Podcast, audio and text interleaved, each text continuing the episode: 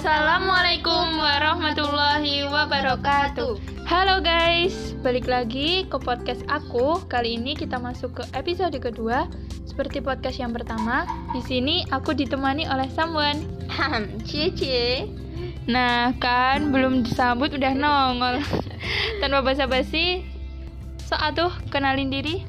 Oke, hai para pendengar setiap podcast Gelas Kosong. Perkenalkan gue Imanda, um, kampus gue di Stikos Madiun dan jurusan gue yang pasti di kesehatan.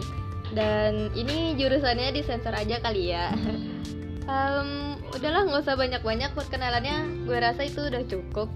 Kok singkat banget sih perkenalannya? Hmm, btw bahasanya kok Jakarta banget gitu. Kalau boleh tahu Mbak, Mbak ini anak mana ya? Um, kasih tahu nggak ya? Kasih tahu dong. Jadi gini, sebenarnya gue itu anak Madiun asli. Cuma dari SD gue emang udah dibawa sama orang tua gue ke Bekasi. Jadi ya gini logatnya ke bawah. Oh, jadi begitu. Oke, oke, no problem. Back to podcast. Kali ini aku sama my partner Mbak Imanda akan membahas tentang how to be productive when holiday. Nah, jadi pas banget nih buat kalian yang udah quarantine cukup lama. So, simak baik-baik podcast kita ya. Oke, mungkin kita bisa mulai pembahasannya. Eh, tapi ini ngomong-ngomong enaknya pakai bahasa lu gue atau aku kamu nih? Hmm, Mbak tanya aku ya. Hmm, Iyalah. kalau aku sih lebih nyaman pakai aku kamu dong. Eh, tapi jangan dibawa baper. Aduh, aduh, bucin, bucin. Oke lah, senyamannya aja. Eh, tapi ini kan ngomong-ngomong kita kan eh, sharingnya ya, bikin podcastnya tuh di tempat terbuka gini. Nah, ini nggak apa-apa apa? Emang nggak keganggu atau gimana nih? Enggak lah, menurut aku justru biar lebih natural gitu. Oh, oke deh kalau gitu. Terus dilanjut. Sahabatku pendengar podcast di mana pun kalian berada, hari ini kita telah memasuki era new normal. Tetapi meskipun demikian, sudah memasuki era seperti ini, sebaiknya kita tetap stay safe everywhere, every time demi kebaikan kita masing-masing. Di saat pandemi, banyak tantangan baru dan terus bertambah. Pertanyaannya, dengan banyaknya waktu di rumah aja, kualitas sahabat semakin bertambah, berkurang, atau sama saja nih?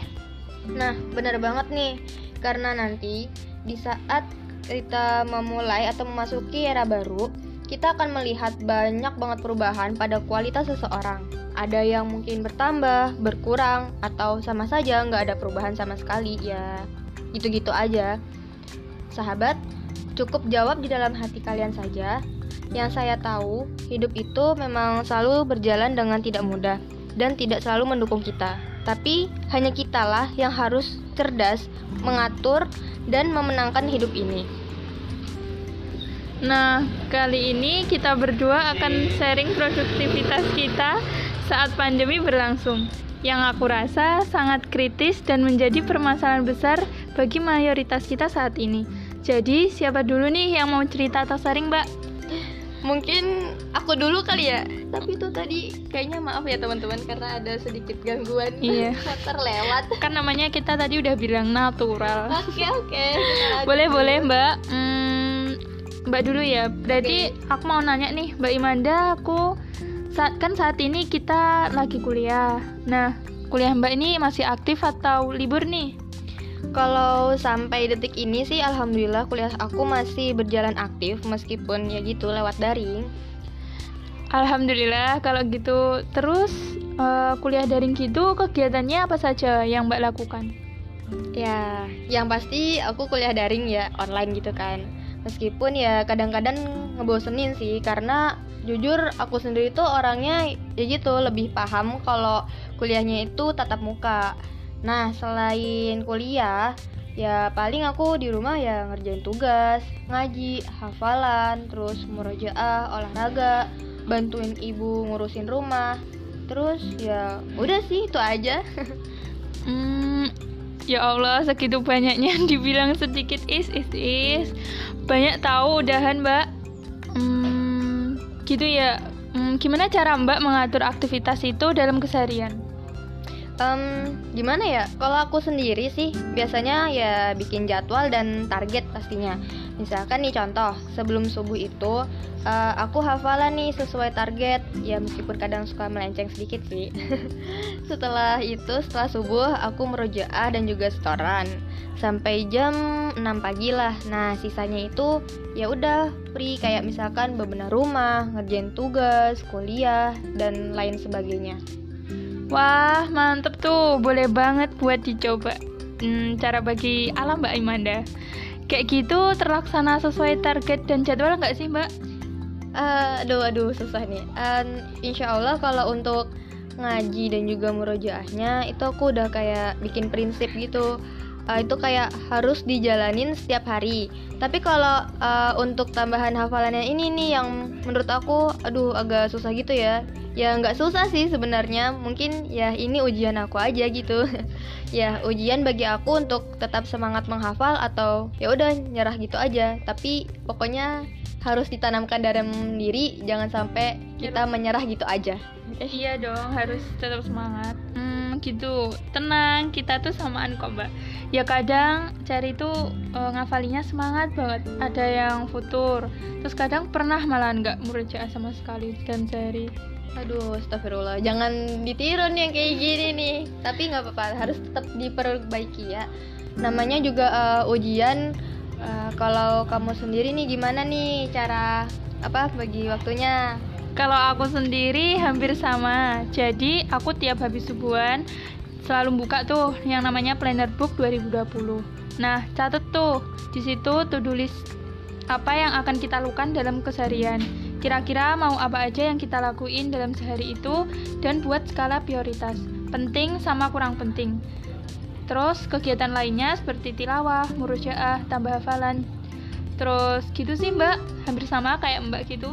Wah, masya Allah, keren ya.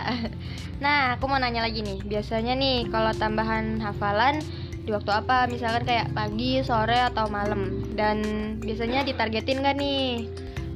tambah hafalanku sih sesuka hati sesuai fitwood gitu hmm, nah kalau cari lebih sering habis tahajud terus ya kan jomblo ya jadi Aduh, daripada ngelamun sambil nunggu azan subuh jadi pagi sih dominan mbak habis azan subuh gitu. Terus kalau target tuh sering nggak nyampe sedih tahu aduh aduh sabar sabar, sabar. jangan ditiru ya teman-teman. Harus semangat.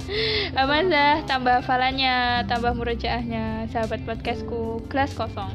Masya allah semoga kita semua saling diberi keistiqomahan ya Amin, amin, amin ya tetap semangat, amin. selalu terus berproses dan berprogres. Yes, yes, yes. Aku setuju banget sama Mbak Imanda.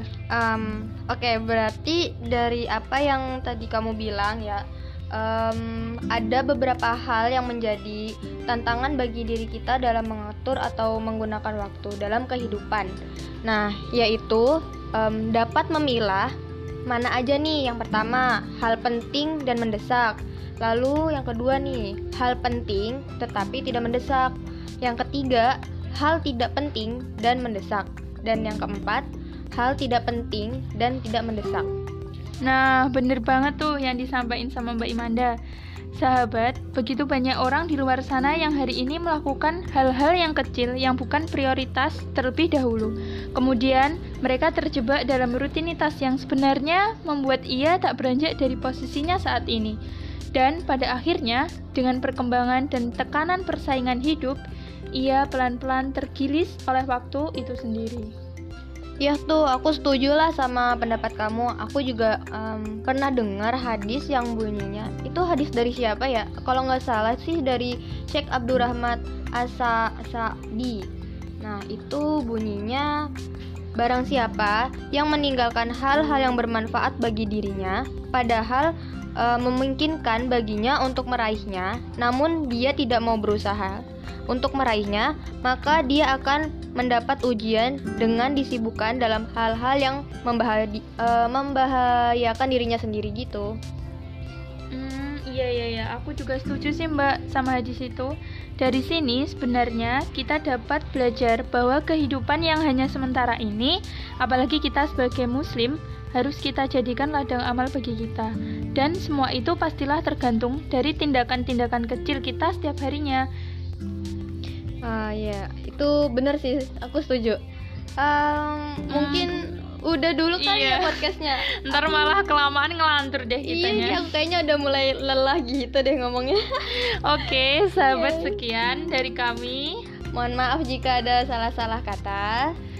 Sampai jumpa, di, podcast, berikutnya. Wassalamualaikum warahmatullahi wabarakatuh.